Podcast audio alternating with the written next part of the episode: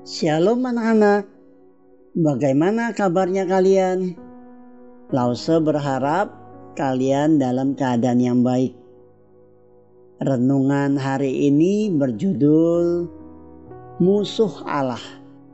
Diambil dari Roma 8 ayat 7 sampai 8. Apakah kamu pernah melihat mamamu memasak seperti soto daging atau mungkin masakan lain yang berkuah? Mungkin kamu pernah melihat atau mungkin membeli dan memakannya. Ada kalanya saat sedang masak makanan yang berkuah, kita bisa melihat banyak minyak di atas permukaan airnya. Mungkin minyak dari daging atau minyak dari bahan-bahan lain yang kita gunakan. Apabila minyaknya terlalu banyak, maka akan dibuang. Karena saat kita makan rasanya mungkin kurang enak bila terlalu banyak minyak. Minyak akan selalu berada di atas permukaan.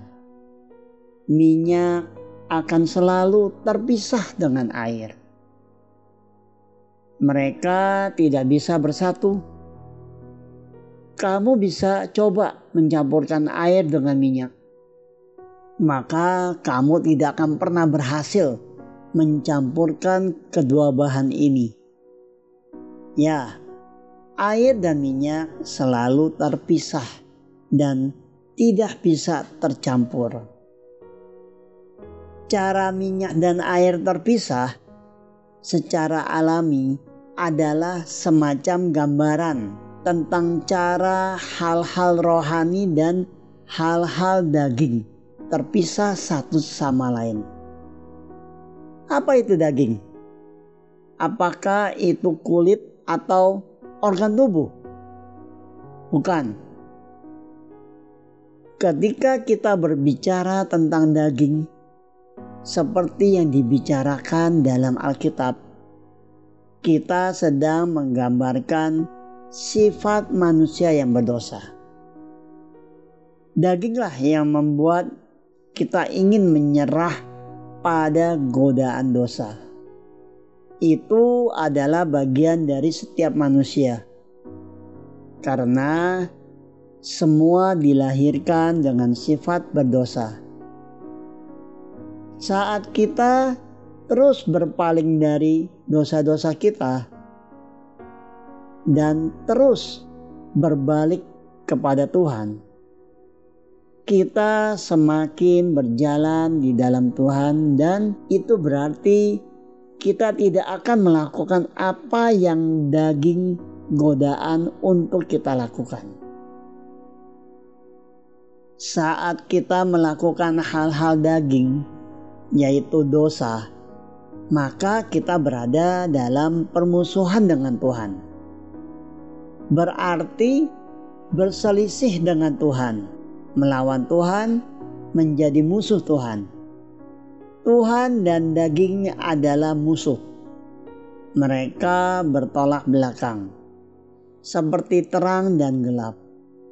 Sifat berdosa bukanlah sesuatu yang bisa membuat kita dekat dengan Tuhan karena kita adalah orang-orang berdosa, dan karena Allah itu kudus, kita dilahirkan sebagai musuh Allah. Dia mengasihi kita, tetapi tidak tahan terhadap dosa. Jadi, Yesus Kristus datang mengambil rupa sifat manusia, namun dia tidak pernah berbuat dosa. Itulah mengapa Tuhan Yesus begitu luar biasa. Dia adalah jembatan kita kembali kepada Allah. Karena Yesus adalah 100% Tuhan dan 100% manusia. Dialah satu-satunya yang dapat mengubah kita sehingga kita tidak harus menjadi musuh Tuhan. Apakah kamu percaya kepada Tuhan Yesus? Amin. Tuhan Yesus memberkati.